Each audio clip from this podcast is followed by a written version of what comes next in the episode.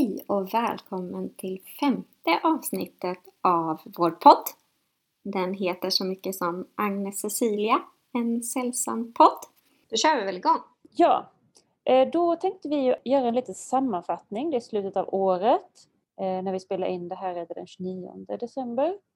Så en årskrönika, eller vad man ska säga. Och jag vet inte, vi tänkte vi börja med lite allmänt så här, hur många böcker, lite statistik liksom. Och sen går vi över lite mer, går vi in på kategorierna. Och jag har ju läst då 72 böcker. Hur många har du läst? Jag har läst 71. Ja, det är jättemånga böcker, jag förstår inte hur det här går till. Man skulle kunna tro att vi har poddat hela året. Jag vill säga eh, pandemin, det gjorde du bra. Mycket annat gjorde du dåligt. Alltså för mig, så menar, mitt liv har ju inte varit annorlunda på grund av pandemin egentligen. Alltså jag har ju varit tvungen att jobba då. Alltså visst, jag gör ju mindre saker liksom, på fritiden men, men nej, jag vet inte. Jag tycker det är jättekonstigt för det är inte som att jag läser hela tiden eller sådär. Men, men jag skulle ju säga att en sak, åtminstone för mig, jag vet inte hur det är för dig, men alltså att jag läser ungdomsböcker. Mina gamla ungdomsböcker, de tar ju tre timmar. Liksom. Jag läser också mycket ungdomsböcker och eh, många noveller. Ja, noveller har jag också läst en del. Säkert en liksom fem, sex, sju noveller. Liksom. Sådana novellixer, då räknas ju de som en bok. Väldigt bra om man är så eh, prestationsinriktad va? Ja, precis, precis. Men jag har ju också gjort, tittat på lite statistik. Mm. Eh, på, eh, genom att eh, sätta, titta i min läsdagbok och eh, sätta små streck i olika kategorier. Mm. Eh, och då fick jag ju lite så skämskudde-känsla. Vad har du gjort? Jo men jag sa ju kanske i förra avsnittet då att jag läser ganska brett. Mm. Eller jag sa kanske det i samband med bokcirkeln i och för sig. Men det kan vi ju säga att Agnes inte gör. Jag har konstaterat då att jag har läst 71 böcker och av dessa 71 böcker så är 53 skrivna av kvinnor. 45 eh, av svenska författare. Eh, samt 58 av vita författare. Så att eh, det finns lite mer att önska där kan man väl säga. Då har du ju Mm. något att jobba på. Ja, verkligen. Och det slår mig också för jag har tänkt så här, ja men jag läser nog ändå ganska mycket från olika länder och sådär. Men alla de här som jag tänker är från andra länder är ju ofta från USA. Så 13 av dem jag läser från USA medan bara fyra är från utomeuropeiska länder, USA eh, exkluderat då. Och det är ju illa med tanke på den rikedom av litteratur som finns från olika delar av världen. Så det känner jag är en läxa till mig i framtiden. Ja, men alltså jag tänker att det är ju ändå en ganska det är ju väldigt, väldigt vanligt. Alltså det är samma för mig och jag har ju också en ambition om att läsa böcker från olika delar av världen. Nu har inte jag fört den statistiken som du har gjort, men jag har bara gjort lite snabbt markerade liksom icke-vita författare och det är liksom, vad är det inte många, så en, två, tre, fyra, fem, sex, sju, åtta, nio, tio. Så att alltså, det handlar väl om olika saker, att man inte, inte läser det. Alltså det är ju jobbigare typ att hitta, framförallt. Tänker jag. Alltså man behöver få boktips någonstans ifrån. Alltså det, det finns alla de här hypade böckerna. Ja men också upplever jag mycket att en bok leder till en annan. Och läser man då Mm. liksom en eh, vit kvinnlig författare till exempel, då, då kanske man börjar tänka på en annan vit kvinnlig författare som man har hört talas om och så är man inne i den och då börjar man tänka på någon annan som skriver om Stockholm eller vad det nu kan vara och så Mm. eh, fortsätter det så och då håller man sig ju i sin bubbla. Eh, och det är ju helt fint men jag tycker att det var ändå belysande att det, det matchade inte min självbild. Jag trodde faktiskt att jag läste bredare än så här. Eh, och det tänker jag är liksom nyttigt att få syn på det. Ja, jag tänker att man lätt faller också i den där amerikanska fällan att man tänker att det här var inte svenskt, men så kommer det från USA. Ja. Men sen så, jag tittade också lite på typ vilka eh, typer av böcker jag läser. Mm. Och då eh, slås jag av att eh, det allra mesta är romaner. Mm.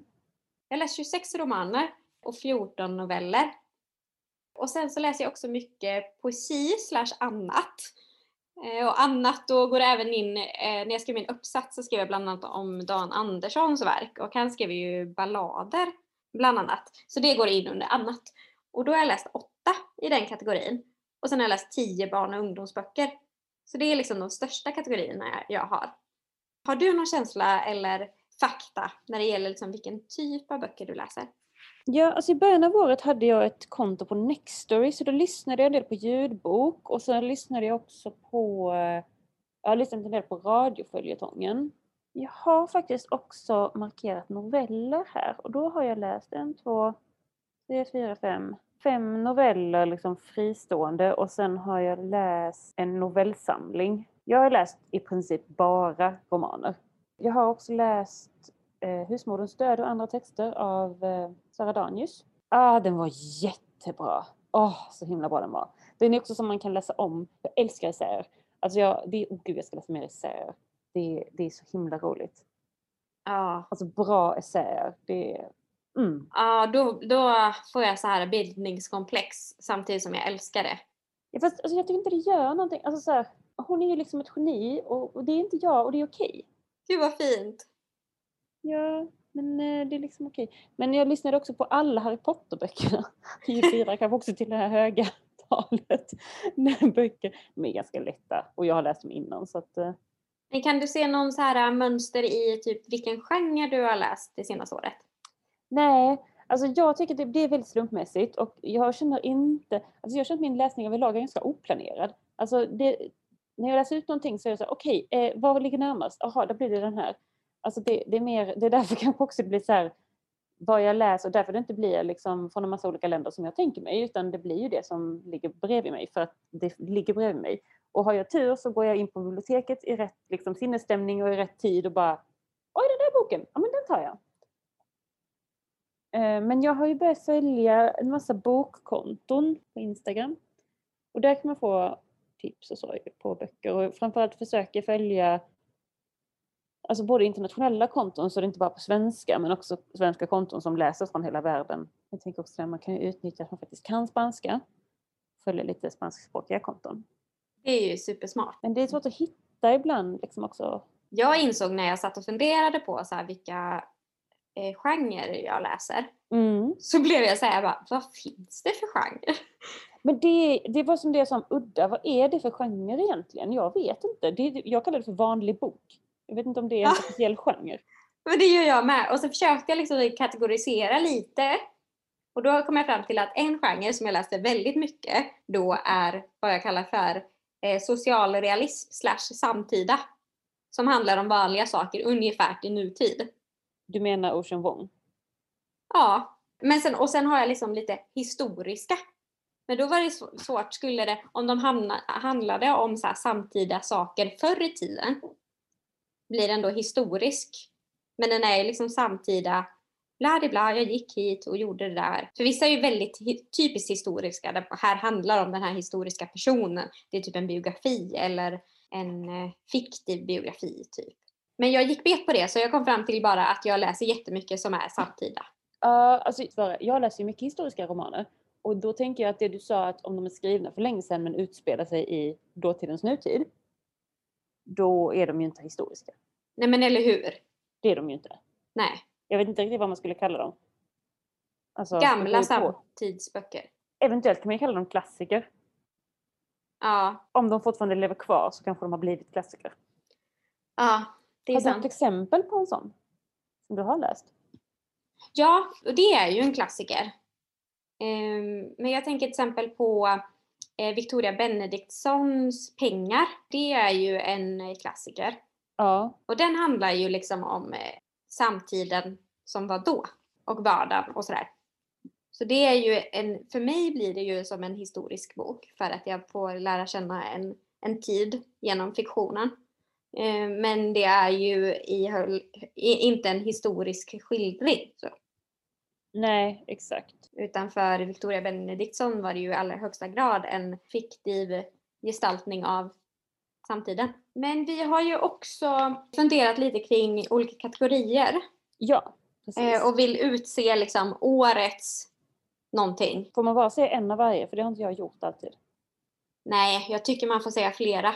För jag har nämligen väldigt många på eh, kategorin eh, Årets knäppis. Oh, mycket spännande. Och Årets oh. depp. Säger vi och skrattar. Ja. Gråter Okej. inombords. Okej, men vad, vad har du för... ehm, vill, vilken kategori vill du börja med? Men det känns ju bra att börja med årets bästa. Ja. Vilken är årets bästa bok? Enligt Agnes? Årets bästa bok är faktiskt en bok som vi har pratat om här i podden. Kan du gissa Jaha. vilken? Ocean Vuong? Nej, Nej, okej. Vänta lite. den kanske är årets näst bästa. Jag kommer inte på någon bok du har läst. Min årets bästa 2020 är Mörkrummet av Susan Faludi. Ah, oh, spännande. Ja. Har du en årets bästa? Jag skrev upp fyra, men jag, jag skulle vilja säga att årets bästa här måste hålla, hänga ihop med kategorin lever kvar slash pratar om slash årets kvarleva. Som vi då lite skämtsamt kallade den. Att jag har liksom hamnat i någon slags period när jag så här kan läsa någonting och tycker den är så himla bra och sen så går det två dagar och jag bara dun, det är borta ur mitt huvud. Fattar inte. Och det spelar ingen roll hur bra det är. Det fastnar inte. Jag det- eh, relaterar 100%. Ja, så det är lite så här årets bästa. Jag tittar på alla de här böckerna och bara ja, jag tyckte de var bra men jag har gått vidare. Men den första där skulle jag säga The Hate You Give. Ja. Den läste jag i våras. Jäklar vad bra! Så himla bra. Fantastiskt bra bok. Ja. Den var liksom välskriven och angelägen och det, var också, det var en ungdomsbok och jag tyckte den kändes in, samtidigt, jag, min, min kritik mot ungdomsböcker är ofta att de är så jäkla tillrättalagda och det var den inte. Det fanns liksom en massa olika grejer, en massa olika problem. Ja, jag tyckte den var riktigt bra. Vill du nämna något mer på årets bästa? Ja, jag tänkte också säga apropå noveller då, Jag ser allt du gör av Annika Norlin. Alltså Ja. den människan är ju ett geni, herregud. Så himla bra. Har du läst den? Jag har precis börjat lyssna på den. Medan Ja. jag bygger pussel. Jag har inte lyssnat, jag läste den. Ehm, Jag fick lämpligt nog ett presentkort i födelsedagspresent precis när den hade kommit ut och då köpte jag den. Mycket nöjd med det köpet. Det förstår jag. Ja, den var riktigt bra. Den är faktiskt med på min lista också på årets ljudbok. Ah, jag har inte utsett årets ljudbok, det orkade jag inte. Jag har gjort det eftersom det också är årets upptäckt, är ljudboken. Jaha! För min del. Lite sen på bollen men ändå. Ja, jag är väldigt så här, periodare med ljudböcker. Jag brukar ta de här två veckor som man kan Ja. få gratis. Men så hade jag ju då i början av året, hade jag, och det var just att, det var det här med Harry Potter, jag hade hört så mycket att han skulle vara så bra med Stephen Fry och jag vet inte. Det var väl helt okej. Nu har jag gjort det. Nu kan jag gå vidare. Ja, skönt. Jag har en annan kategori som jag, eller ska vi gå från årets bästa till årets sämsta? Men det är väl ändå logiskt så Ja. det är ändå det här folk vill veta. Precis. Eller vill du säga något mer om årets bästa först innan vi går vidare? Nej, jag har inget mer att säga. Jag säger läs Mörkrummet. Årets sämsta. Sissi, vad är det? Ja. Årets sämsta är Goldfinger. James Bond. Det var det sämsta jag läst förmodligen hela mitt liv. Varför? Allt. Allt. Alltså, själva berättelsen i sig, alltså liksom plotten, är så undermålig. Alltså den är så dålig. Den är liksom, man läser man bara, men det är det här för vuxna. Alltså det är liksom, jag hade varit okej med, nu är boken gammal, eller så här, den är från, den skrevs 59. Alltså jag, det, det här är nog den boken jag pratat mest om i år för att jag blir så provocerad över att den är så dålig. Så den kan också vara på årets kvarleva. Ja, faktiskt. Det kan det vara. Nej men alltså den är skriven 59 så den är skriven för länge sedan och man hade en annan kvinnosyn på den tiden. Man hade en annan syn på homosexuella. Man hade som vit kanske en annan syn på människor som inte var vita. Och allt detta syns så oerhört tydligt i den här boken. Det är lite det den handlar om, hur underlägsna kvinnor är. Om att lesbiska är bara lesbiska för att de inte har legat med James Bond. Ja, äntligen så förstår jag. Eller hur? Jag har ju ändå suktat efter James Bond i hela min tonårstid Ja, faktiskt. det förstår jag. Eh, för att han är ju den eh, bästa mannen. Liksom. Koreaner, får man veta i den boken, är lägre stående varelser jämförbara med apor. Eller kanske lite lägre än apor. Det som var behållningen av den boken är att Bond måste samla alla USAs maffiabossar. Det finns liksom några olika maffior, typ fem. Och han var, högsta bossen för alla maffiorna ska samlas då av James Bond. Han har ett förslag att liksom, de ska komma åt Goldfinger. Och då finns det en maffia i, i New York som är lesbisk. Men vad händer då när den här maffian får träffa James Bond? Eh, Vi kommer till det. Okej. I alla fall, de, det är inte hela maffian utan det är bara ledaren som heter Miss Pussy Galore. Ja! Eh, och det här är ju jätteroligt. Eh, nej men hon är ju lesbisk, hon är ju bara ett hopplöst fall. Däremot finns en annan tjej i berättelsen. Och det är hon då som inte var lesbisk på riktigt, hon hade bara inte legat med James Bond. Ehm, Okej. Det var väl behållningen. Men jag, du vet, jag läste den och jag bara, nej men det här är inte sant. Alltså jag läste en annan deckare ungefär samtidigt som var skriven 1950. Så man bara, men det här är liksom rimliga människor i den här boken liksom. Det, det är fortfarande en annan tid och en annan liksom människosyn, alltså ett klassamhälle på ett annat sätt än vad det är nu. Alltså det, det var en svensk bok då så ja, det är till exempel, vem kan gå i gymnasiet, vem kan inte gå i gymnasiet, sådana saker. Men jag menar, den här James Bond, alltså du vet jag bara, men snälla någon, det här är helt orimligt. Så det var årets sämsta. Jätte, jättedålig. Rekommenderas inte. Och även om jag säger de här roliga sakerna, förlåt men boken är skitdålig. Jag tror att filmen är väldigt mycket bättre. Jag har ju sett filmen eftersom jag då älskade James Bond när jag var barn och eh, tonåring. Jag blir lite kränkt här för att jag älskar ju James Bond då. Eller jag Ja. gjorde ju det. Och nu sitter jag här och är lesbisk. Men det är ju inte som att James Bond har ställt sig till förfogande. Nej, Men Men jag hade ju varit han? på. Så vad ska jag göra då? Då ska jag leva i celibat? Nej, det tänker jag inte göra. Så nu sitter jag här och är lesbisk. Och väntar. stackars dig. Ja. Så himla tråkigt. Men eh, vi kan få, kan få tag på Miss Pussy Galore åt dig. Ja, hemskt gärna. Men tills vidare så kan jag ju prata om en riktigt dålig bok. Ja, berätta mer som jag har lyssnat på eftersom ljudbok är min nya grej. Och det, mina vänner, det är Ålevangeliet. Jävlar i mig vilken tråkig bok. Alltså, jag läste, jag har hört ganska gott om den. Det är då en fackbok som är skriven av någon som kanske heter typ Patrik Svensson eller något annat. Svennigt. Ska se här om jag har det uppskrivet kanske. Patrik Svensson. Och jag kan läsa faktiskt från min läsdagbok. Då står det så här. Herregud vad tråkigt. Så många upprepningar och ointressanta filosofiska resonemang kan inte fatta att denna fick Augustpriset. Augustpriset hör ni! Som essä kanske den hade varit okej, men nu undrar en var fan var redaktören? För alltså, när jag började läsa den så tyckte jag ändå att det var lite mysigt. Det är liksom en fackbok som handlar om ålen. Men den är liksom skriven då som en jättelång essä, så den är ganska så här filosofisk och så är det ihopkopplat med hans egna minnen av eh, sin pappa som var ålfiskare. Och hans uppväxt och liksom och sådär. Eh, smart grepp. Men alltså. Får man vara, alltså det är liksom ingen hejd på hur tjatig han är. Liksom, det är hela tiden så är det så här. Och då tänker jag på ålen. Vad är en ål egentligen? Är en ål en fisk? Eller är det något annat? Är ålen magisk? Eller är den verklig som allt annat? Är ålen kall? Eller är den varm? Varför simmar ålen? Simmar ålen? Är ålen en ål? Eller är den en fisk? Alltså så, i typ, jag vet inte hur lång är en ljudbok, den är typ så här 40 000 timmar.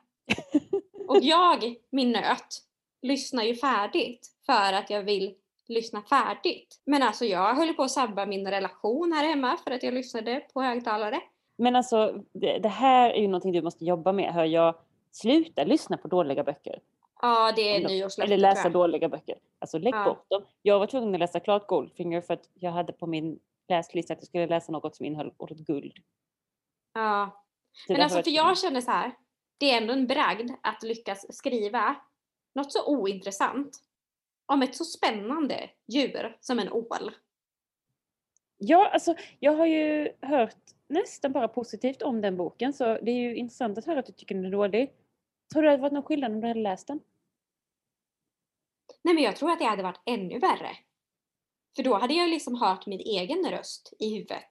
Bara, är det en ål eller är det en fisk? Nej usch. Nej det hade varit helt fruktansvärt. Jag önskar ingen människa att läsa denna bok.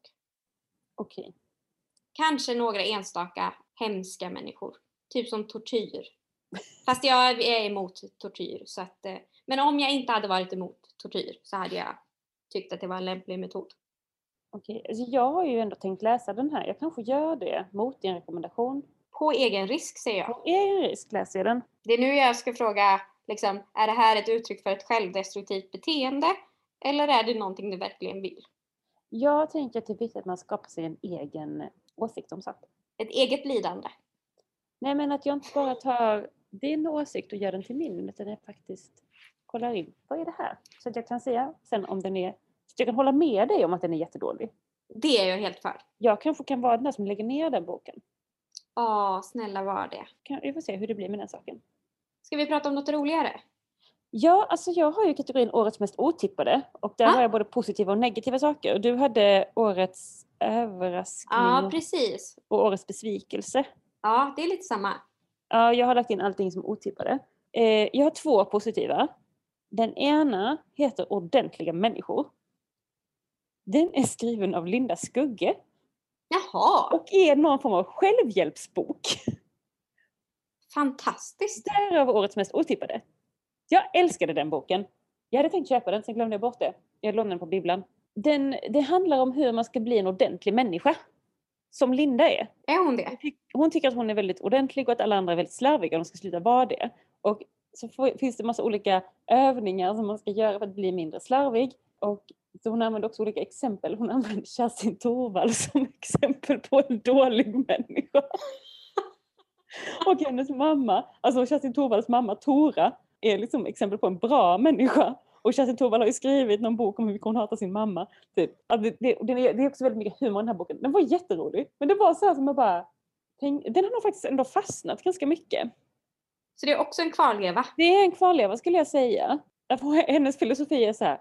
Skärp dig, sluta vara slarvig. Och det är lite roligt. Typ. Och jag känner att jag kan relatera så mycket till detta. Ja, ehm, du kanske inte behöver läsa den här boken. Den kanske inte är för dig om du redan är ordentlig. Nej, nej, jag är faktiskt extremt ordentlig. Det är alla andra som Ja, är slarviga. då behöver du inte läsa den. Jag Nej. tyckte faktiskt den var, jag var så här, vad är det här? Och sen bara läste jag den och tyckte den var fantastisk. Men hur kommer det sig att du ändå liksom lånade den när du tänkte så? Bara, det här, vad är det här för konstigt? Jag kommer inte riktigt ihåg. Alltså det var ett sånt där tillfälle, jag var på biblioteket för att låna en annan bok. Jag tror att jag gillade omslaget. Var det här på den tiden när man fick liksom strosa runt i biblioteket? Ja, det här var innan corona. Det här var eh, förra jullovet. Åh. Det var en Ja. av de, jag tror det var kanske den första eller andra boken jag läste i år. Mhm. Har du Ehm, blivit en ordentlig människa? Eller var du det redan innan? Eh, eh, nej och nej. Alltså jag var det inte då, jag har inte blivit heller. Vi kanske behöver den här boken igen. det, det det är ganska lite- roligt om du läser det så i liksom i januari när alla ska bli ordentliga människor. Ja, alltså jag tror att, att jag liksom ändå blev lite ordentlig ett tag. Men sen kom corona och allting gick åt helskotta liksom. Det var liksom inte lönt att vara ordentlig då. Nej, helt Eh, sant. Men eh, jag kanske får läsa om den, skaffa den. Gör det. Mm. Men vad har du, har, vad har du på din eh, bästa eh, överrasknings... Ja, men då har jag faktiskt eh, författaren Maria Sandell. Eh, Känner du Ja. till henne? Kanske? Eh, Jag skrev min kandidatuppsats i historia det här året. Och då gjorde jag det från skönlitteratur. Och då är det två författare som jag, vars verk jag analyserade. Och det var Dan Andersson och sen var det Maria Sandell. Och jag hade liksom inga höga förväntningar. Utan jag var mer såhär, jag, jag skulle titta på arbetarlitteratur och hur arbetarkroppen skrevs fram i arbetarlitteratur på början av 1900-talet. Och då fanns det egentligen bara en utgiven kvinnlig arbetarförfattare och det var Maria Sandel. Eh, hon var ganska kyrklig och sådär. Eh, så jag tänkte mig nog att det skulle vara ganska präktigt. Men det var alltså en av hennes böcker som jag läste, Droppar i folkhavet. Den var alltså så rolig. Alltså det är så här, det är så här tanter som gnabbas om, eller liksom så här skvallrar om hur usla karar är. Och vad ska man med dem till? Och så är det liksom två eh, lesbiska kvinnor som är prostituerade som helst ligger med varandra. Alltså det är bara helt fantastiskt. Så det, Det är fantastiskt. årets överraskning. Och eh, hon har också så himla dåligt eh, rykte liksom inom litteraturvetenskapen och arbetarlitteraturen. Hon var liksom en sån som men hon ansågs inte vara en bra författare utan mer liksom en så här, eh, underhållningslitteratur typ. Men jag tycker att hennes dialoger är helt magiska. Eh, och jag tycker att ska man läsa arbetarförfattare, då ska man läsa Maria Sandel. Tack för det tipset, jag ska läsa det, det verkar fantastiskt. Ja, och det som är bäst är att båda hennes, både Droppar i folkhavet och eh, Vid svältgränsen som är en novellsamling som hon gav ut, de finns eh, tillgängliga på internet. Så man kan liksom eh, läsa dem eh, gratis på nätet. Är det här det helt fantastiska litteraturbanken? Det är det. Det ena är det. Eh, Droppar i folkhavet finns på Litteraturbanken och den andra finns typ via som så här inskannad bok. En så här gammal bok då från 1910 tror jag. På Stockholms bibliotek tror jag. Som man kan eh, ladda ner som pdf. Så det var årets eh, överraskning eller vad var det du kallade det? Årets mest otippade. Ja, i positiv bemärkelse. Men du hade ju också årets eh, mest otippade i negativ Ja, men bemärkelse. först vill jag ta nummer två av de positiva. Ja, Och det är här poesin kommer in. wow, berätta mer. Jag läste en poesisamling, nej inte poesisamling heter det inte. Vad heter det? En Diktsamling. heter det. I somras. Den heter Barnet och är skriven av Olivia Bergdahl. Ja, estradpoeter. Det kanske hon är. Det här var en bok. Jag läste den som e-bok. Finns säkert som fysisk bok också. Eh, har du läst den? Nej, men jag har hört om den. Visst är den skriven på ett speciellt sätt? Ja, det är en sonettkrans. Så den består av 14, tror jag det är, so- sonetter. Sonett är ju ett speciellt versmått som Shakespeare ofta använder sig av. Och då är det liksom som att varje sonett, det är liksom en berättelse, eller man ska säga en dikt. Och sista raden, det, som gör att det blir för en, en krans, att sista raden är liksom samma som första raden i nästa dikt. Ah. Så det går- blir som en kedja. Och den sista sonetten består av första raden från alla dikterna. Oj, shit. Ja, jag vet, det är skitcoolt. Så det, var därför jag ville läsa den, för jag hörde henne prata om den någon gång. Alltså, det är det jag säger, jag gillar ju när det är på rim och jag gillar när det finns en idé. Men jag tyckte också väldigt mycket om boken. Jag tyckte den var, eh, alltså menar, den var ju oerhört snabbläst. 14 sidor typ, om det hade varit en riktig bok. Oj, jag. shit. Ja men för det är ju liksom en dikt i en sida eller något. Mm. Men den utgår ifrån den här bilden på Alan Kurdi som drunknade Ja. i Medelhavet för några år sedan, det här barnet som man såg på stranden. Ja. Så det utgår därifrån men att samtidigt så berättar hon om sin egen barndom i Göteborg. Mm. Det var väldigt fint och så tycker jag om formen. Så det är också en av årets mest otippade. Det var otippat att jag gillade en, en diktsamling. Vad roligt att du får med dig liksom en positiv Mm. erfarenhet av poesi. Ja, nej men eh, den var bra. Tyckte om den. Yes, eh, men om man då skulle gå till de otippade dåliga. Mm. Så måste jag säga att den hemliga historien av Donna Tartt var skittråkig. Herregud vilket drabbel. Alltså jag kände så som du kände för Orwell evangeliet. Och jag vet inte varför jag läste ut den. Det var dåligt. Men jag hade också så här, köpt den för det presentkortet jag fått i present och då tänkte jag, du vet, har jag fått, äh, typ att jag har fått boken. Fast Ja. jag har ju själv valt den. Men alla, eller alla, så himla många säger att den är jättebra. Och ah, många säger att det är min bästa bok och det är den bästa bok jag läst. Och jag bara, alltså den var så tråkig. Jag fattar inte alls grejen. Gud vad trist. Ja, det var tråkigt. Vad, vilken var din Ja, besvikelse? alltså min besvikelse, det var... Alltså jag hade egentligen inte så höga förväntningar på den här. Men eh, jag blev liksom besviken på ett liksom generellt plan över queers låga krav på litteratur. För det här, min då besvikelse 2020, det var Kristoffer Folkhammars Magisterlekarna. Skojar du med mig? Den har jag i bokhyllan. Jag har inte läst den. Det är sant. Är den dålig? Jag, jag måste läsa vad jag skrev här i min eh, Jag eh, läsdagbok. Hittade den bland Linneas utrensade böcker och har nu sträckläst den medan jag var sjuk. Inte för att den var särskilt bra, utan snarare lättläst. Den kändes mer som en porrfilm än citat skamlös erotik, slutcitat, som omslaget säger. Queers borde verkligen ställa högre krav på kultur än eh, citat, det handlar ju om oss, slutcitat. Eh, vilket fantastiskt resonemang. Det roliga är att jag också har rensat ut den här boken någon gång och sen var jag, "Äh, jag kanske ändå ska läsa den.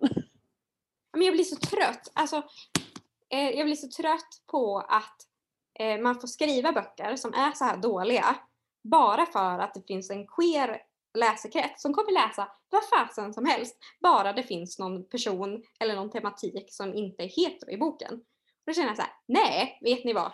Nu får vi gå samman som eh, queers eh, och ställa lite krav så att vi får lite bättre litteratur. Så här kan vi inte ha det. Men vet du, här kommer jag nog faktiskt ta dig på orden och så kommer jag rensa ut den ur min hylla så har jag en oläst bok mindre. Gör det. Jag har läst en novell av honom och jag gillade inte den heller. Men då tänkte jag att det kanske var mig det var fel på. Men, och så är jag bara så trött på också det här att porr, när den är typ lite queer, blir plötsligen liksom intressant och eh, utmanande och frigörande. Man bara nej. Men alltså handlar inte den här boken om att det typ är en lärare och en elev som ligger med varandra eller något sånt Jo! Det är också jätte eh, Som opassande. eh, lärare eh, så känner jag så här, nej, man får inte göra så här. Sluta! Ja, det är underligt. Och så är det liksom, för det är en skola där det bara är bögar som går. Vänta lite, bara bögar? Ja, Eller bara killar? nej bara bögar. Det är inte Va? samma sak. jag vet. Nej, men jag tänkte att du kanske sa fel. Det är bara bögar. Men? Eh, ja, och så handlar det liksom om typ deras relationer med varandra och, och det är bara så otrevligt klimat och så känner jag så här varför ska män hålla på, eller det blir inte bättre för att de är bögar. Det blir bara inga kvinnor. Det blir bara mer mansnormer. Nej, usch, dåligt, fy. Skriv inte fler böcker eller skriv bättre böcker. Så hälsar jag till författaren. Okej, vi får hoppas att han kanske inte lyssnar på det här.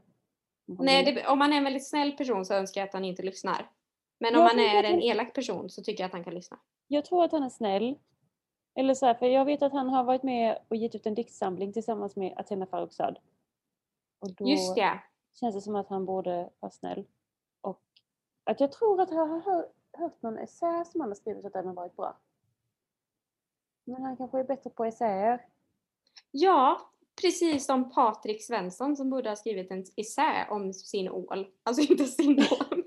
Men du kanske också säger, jag tänker att du kanske inte är målgruppen för magisterlekarna. Eller jag heller för den delen. Det kanske är därför också den är dålig. Fast den har också fått här jättebra betyg på typ så här kultursidor typ och då känns det ännu äckligare. Det är så här vita hetero män som inte vågar komma ut som bögar som sitter och läser det där. Nej. Nej usch, nu går vi vidare. Ja, vi går vidare till min andra dåliga Mm. besvikelse, mest otippade. Som är Där kräftorna sjunger. Som också var superhypad och jag bara, jag läste den och bara nej. Alltså som bok betraktad var den väl helt okej. men den var ju dålig. Eller så här, den var ju ganska tråkig. Och jag kände liksom lite, var det inte mer? Jag vet inte. Jag förstod inte hypen alls överhuvudtaget. Nej, det var min första ljudbok jag lyssnade på. Eh, så jag var lite så här äh, tagen av att jag ändå lyckades liksom lyssna på hela utan att sväva iväg. Så tänkte jag ändå, ja men något hade den ju. Jag Jo, gillade något- naturbeskrivningarna. Ja, alltså något hade den. För att jag tyckte som sagt, jag tyckte den var okej. Men den var ju liksom inte, jag förstår verkligen inte hypen. Nej, och sexscenerna var så cringe så jag höll på att dö. Jag har glömt sexscenerna. Oj, oj, oj. Den var, har du sett filmen Den blåa lagunen? Ja, Mm, minns du sexscenerna i den? vagt. Det var mycket länge sedan. Där är det ju typ två barn, lite Jo, jag oklart. vet. Är de alltså, syskon? Är inte det oklart? Jo, det är lite oklart om de är syskon som i alla fall växer upp själva på en öde ö och typ Ja. upptäcker sin kropp och sin sexualitet utanför liksom, samhället. Och ni kan ju föreställa er hur cringe det är. Eh, och på samma sätt tyckte jag att det var i den här När kräftorna sjunger. Det var typ att det är så här, hon kände att eh, hennes hål behövde fyllas av något avlångt. Oj, Va? han hade något avlångt mellan sina ben. Så praktiskt.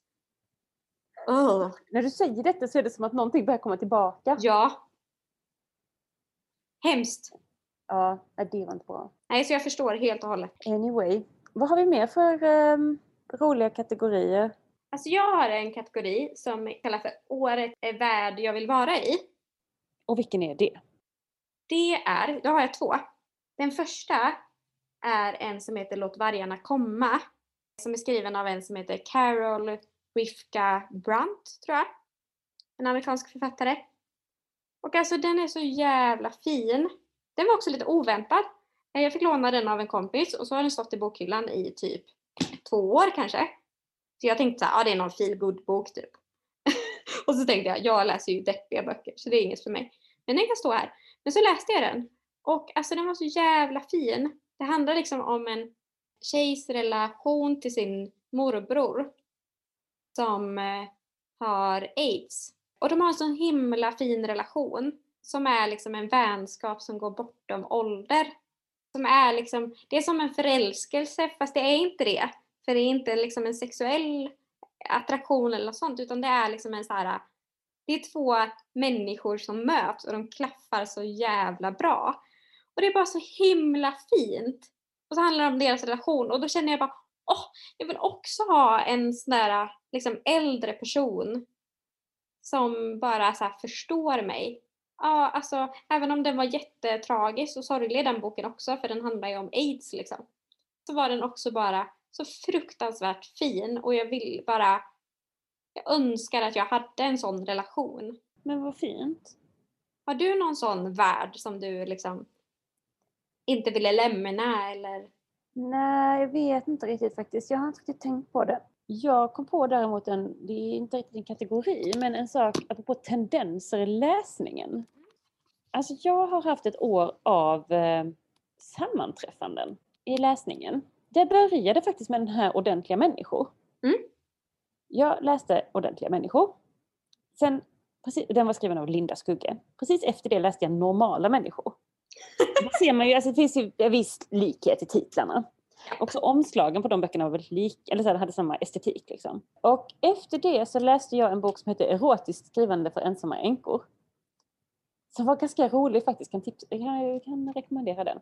Magisk titel! Eller hur, vilken bra titel! Den handlar om den psykiska minoriteten i London. Det är alltså en indisk grupp som bor i London. Många bor på samma ställe och det handlar om en tjej som har växt upp liksom, med psykiska föräldrar. Hon försöker liksom distansera sig lite från dem. Men hon är också ganska misslyckad i sitt liv. Hon vill typ bli författare eh, och det går inte så bra. Och så ska hon ha någon slags skrivarcirkel för kvinnor. Och då tänker hon okej, okay, men det blir ändå bra. Och så visar det sig att det är så här eh, eh kvinnor som är analfabeter som typ tror att det här är engelska för invandrare ungefär. Eh, och men på något sätt, och sen har hon någonstans ifrån fått någon erotisk bok eller någonting. Hon har, någon har hon det i sin väska och så är det någon som hittar det och så börjar de läsa högt de här erotiska berättelserna och alla tycker det är jätteroligt, alla, alla tanterna. Och så börjar de skriva egna, de pratar jättemycket om sex och de skriver egna berättelser som är jättesnuskiga. Oh, alltså det här är ju en dröm!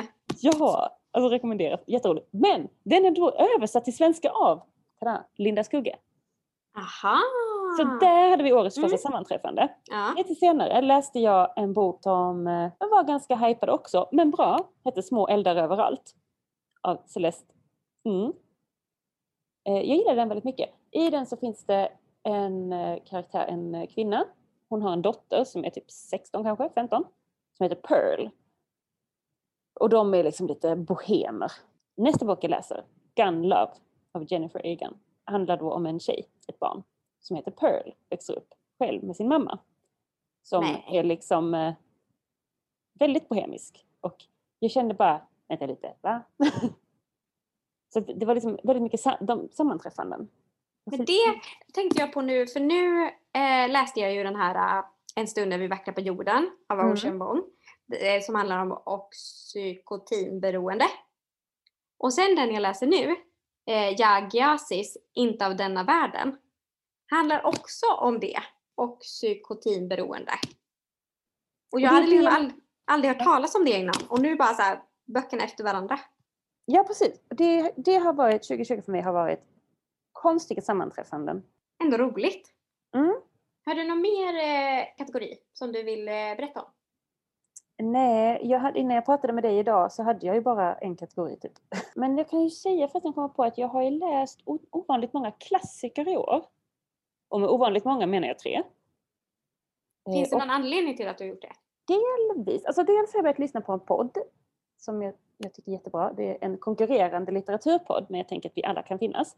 Den heter Läslistan och de läser bara klassiker. De, läser, de två som har den läser samma bok och så diskuterar de den. Och de är så himla smarta. Alltså deras analyser är man bara wow. Smart. Shit, den måste jag lyssna på. Ja, gör det. Och jag har liksom li- misslyckats med att läsa boken varje gång. Utom Den allvarsamma leken av Hjalmar Söderberg. Den läste jag. Och den var jättebra, jag tyckte jättemycket om den. Kul! Ja, och sen så skulle jag ha läst en kurs nu under hösten. Eller jag hade planer eventuellt på att läsa den. Det var en halvfartskurs i litteraturvetenskap som hette Litteraturens klassiker. Och då började jag läsa lite till den i somras och då läste jag Gösta Berlings saga och Familjen H. Men sen så insåg jag när kursen började att jag inte hade tid med den så att jag hoppade av. Men jag gillade båda de två och jag lyssnade på Gösta Berlings saga. Den var jättebra som ljudbok. Jag har haft svårt för att läsa den som vanlig bok men som ljudbok funkar den jättebra. Och Familjen H, skitbra! Jag ska läsa mer av Fredrika Bremer. Ja, det vill jag. Det hade jag på mitt bokbingo i år. Men jag tror inte jag kommer hinna det för jag lånade Herta. Ja, den vill jag läsa! Gud vad jag Men så började jag läsa två sidor och sen bara oh, jag orkar inte det här och så tog jag en annan bok.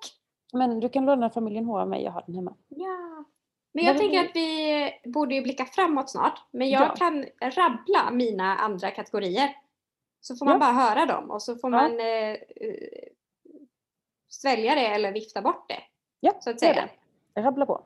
Årets segis, Desirada av Marie Condé. Eh, samt Löwenskiöldska ringen. Alltså gillade den jättemycket, men den var seg. Årets författare, eh, Matilda Gustafsson, för att hon gav ut Klubben, som eh, jag också har bestämt är årets viktigaste bok. Tillsammans med Stone Butcher Blues av Leslie Feinberg. Fantastisk bok, finns bara digitalt tyvärr, men den är gratis. Alla borde läsa den för att lära sig lite hbtq-historia. Sen har vi årets eh, kvarleva. Allt jag fått lära mig av Tara Westover om sekter, spännande. Eh, samt Mörkrummet som även är årets bästa bok. Årets ljudbok, som jag nämnde tidigare, eh, Jag ser allt du gör. Jag har ju inte lyssnat färdigt på den än, men jag har hört två noveller. Fantastiskt av Annika Nordin. Som är bra på många andra saker också. Fantastisk människa. Årets barnbok, Tusen stjärnors ö. Kommer inte ihåg författaren. Men så jävla fin bok. Fruktansvärt sorglig, men fantastisk. Årets ungdomsbok, Gudarna av Elin Kullhed. Så bra. Årets störigaste bok, Rosenregimen. Kommer inte ihåg författaren. Den var jättestörig men jag fortsatte ändå läsa den, jag sträckläste den. Jag har tänkt på den så mycket, jag har pratat om den, att jag är så irriterad på den. Så någonting gav den ju uppenbarligen. Årets berättare, Selma Lagerlöf, Löwenskiöldska ringen, den serien. Att jag bryter in här, men ja. Herregud vad hon är bra. Alltså Gösta Berlings saga. Har du läst den? Nej, jag har inte det. Lyssna på den. Eller läs den om du vill. Men jag tyckte den var bra att lyssna på. Alltså, herregud. Hon är Nej, men hon är helt, helt- fantastisk. Det var hennes debutroman. Det första hon skrev var Sjukt. Gösta Berlings saga. Ja. Men man fattar ju att alla andra bara, nej men jag lägger ner pennan, det är lika bra att ge upp. Eller hur? Okej, årets sluk. Queenie. Det var ju en sån snackis. Eh, men alltså den var jättetrevlig att läsa. Den var så här feel good fast den var ju också deppig. Men den var bara så lättläst och trevlig vardagsbok. Årets depp. Inte så upplyftande som eh, kategorin antyder. Där har vi flera stycken. Till exempel, har döden tagit, tagit något ifrån dig så ge det tillbaka.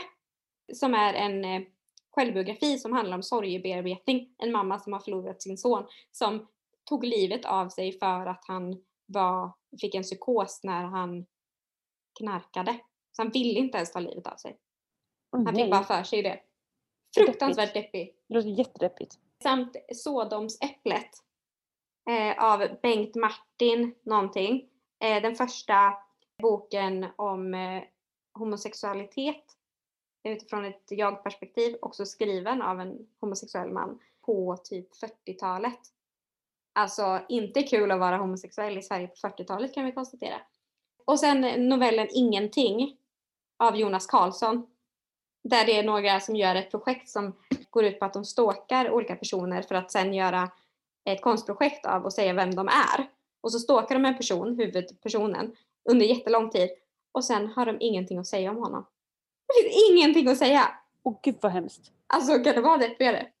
Det är de, eh, mina deppigaste. Och sen slutligen då, årets knäppis. Och där har vi tre böcker. Köttets tid av Lina Wolf. Superknäppt. Ännu knäppare, I Love Dick av Chris Kraus. Eller Ja, den Kraus. verkar helt sjuk. Helt tokig. Och eh, slutligen då, knäppast av dem alla. Frankenstein av eh, Jeanette Winterson. Som är en parafras på Frankenstein. Uppenbarligen. Men som bara är helt tokig, utspelar sig i framtiden och Frankenstein-tiden. Och uh, sexbots och allt möjligt konstigt. Läs den, den är helt tokig. Det var min lista. Det var mycket information på väldigt kort tid. Ja. Till skillnad från resten av eh, avsnittet som är Ja, lite precis. information på lång tid. Exakt. Föredömligt kortfattat. Men framtiden. Jag känner mig som spanarna. Som Ingvar Mm. Storm känner jag mig. Jag har skrivit en önskelista. Ja, berätta. Vill du höra? Ja. Läsåret 2021. Då vill jag hemskt gärna läsa boken Tänk om av Roland Paulsen. Som är min favoritperson i hela världen kanske. Han är så bra. Jag har läst Vi bara lider i år. Ja, jag älskar den. Åh gud Jag har tänkt bra. att om jag ska ha barn någon gång så ska han vara min spermadonator. Eh, men sen har jag kommit på att vårt barn skulle se ut eh, som en liten ny nazist då, så jag vet inte om det blir så bra. Ja. Men väldigt smart skulle barnet bli om det fick Roland Paulsens hjärna. Ja, Och jag är ganska rolig, så smart och rolig. eller hur? Han är också rolig. Ja, han är rolig. Och bitsk, som en liten terrier. Ja, älskar honom. Okej, fortsättning på önskelistan. Jag hoppas att det kommer ut fler bra kollektivromaner. För jag är trött på eh, individer och identitet och sånt. Jag vill ha så här kamp, kollektiv kamp i litteraturen. Jag eh, tror att, och önskar att årets genre för mig personligen 2021 kommer vara reportageboken. Jag önskar mig fler ljudböcker, detta nya medium. Jag önskar mig mer högläsning. Jag önskar mig att biblioteken, ett, återigen är lugna och tysta, som de en gång i tiden var. Jag önskar mig också att bibliotek ska ses som den nya kyrkan. Bibliotek ska få massa resurser och status, för det är världens bästa plats. Och jag saknar dem jättemycket nu när de är stängda. Och slutligen, jag önskar att jag kommer eh, fortsätta att prata om böcker med alla jag känner, så att jag kan få mänskligheten att fatta, gärna den yngre generationen, att fatta att det böcker och läsning är det bästa som finns i hela världen. Slut på önskelista. Alltså jag vill bara säga detta. Eh, Jag vet inte om det här hörs, men eh, jag klappade händerna. Det var jättefint skrivet. Jag hoppas att jag fortsätter läsa mycket. Jag hoppas att jag fortsätter lite det här, för jag tycker att nu under hösten har jag varit mycket bättre på att läsa mer internationellt. Och jag hoppas att jag fortsätter så. Jag hoppas att jag läser ut några av de böckerna som påbörjades under 2019 och 2020 och fortfarande är inte är utlästa av olika anledningar. Och jag hoppas att jag kan liksom fortsätta känna att jag orkar läsa och hitta tid och ork och koncentration att läsa. Och att jag, ja men, jag vet inte, det finns ju jättemycket jag vill läsa liksom. Men jag, jag ska försöka att inte fastna så mycket i mm, vad jag borde läsa och bara göra vad jag vill läsa. För jag får faktiskt bestämma det själv. Ja. Det är en bra insikt. Ja, det är så lätt tycker jag att man bara, ja men den här kanske. Och så, eller typ som att jag tar den som är närmast och så, jaha nu läser jag den här. Och så blir känns det liksom hopplöst. Det känns som att det är någon annan som bestämmer vad jag ska läsa. Jag tänkte säga, du är författaren i ditt eget liv. Men det blev fel. Eh, ja. Du är eh, läsaren i ditt eget liv. Ta Ja. makten. Men eh, en annan sak. Ja. Må vi fortsätta podda? Ja, det här är så roligt. Jag älskar att podda. Det är så otippat att jag har börjat med det här. Jag vet inte hur du känner inför det. Men för mig är det bara, what? Hade du någon sagt det här för ett år sedan hade jag bara, nej. Alltså jag vill ju säga att det är otippat att jag gör det här eftersom jag själv inte lyssnar på poddar. Och framförallt inte på sådana här pratpoddar för jag tycker det är så jobbigt när någon pratar i mitt öra. Men jag har ju också gjort en podd förut. Så att eh, jag är ju liksom, eh, jag skiter i det blå skåpet igen kan man säga. Ja, men nu har du fått ett poddtips av mig så att eh, Ja, du måste börja lyssna på en podd till. De är så bra. De är så bra. jag får börja leva som jag lär helt enkelt. Ja, jo, jag har ett, jag har ett, oh, ska jag våga säga att det här är ett läslöfte? Ja, shoot. Jag ska läsa ut mina julklappsböcker innan 2021 är slut. Det låter som en mycket bra plan. Mitt löfte är att om jag någon gång under kommande år läser en bok som är lika dålig som Ålevangeliet så ska jag lägga ner boken och aldrig ta upp den igen. Det är ett bra löfte. Lägg ner fler böcker. Ja. Ska vi nöja oss så? Ja, det måste vi göra för att jag måste gå och handla. Ja, ja. Men ehm, Tusen tack för det här samtalet. ja, tack själv. Jätteroligt. Och tack alla som lyssnar. Hoppas det har varit kul och att ni hänger med. Och hör av er om ni har någon kommentar om podden. Ja, och tipsa andra om podden. Ja, men inte för brett. Jag blir stressad. Ja, eh, till väl utvalda personer. Ja, Inga sådana som kommer recensera oss på kultursidorna för då blir vi Gud. jättenervösa. Det går inte. Nej. Jag, jag platsar inte på en kultursida, herregud. Nej, inte det är jag heller. Tack så hemskt mycket! Tack! Vi ses snart igen. Det gör vi. Hej då! Hej då!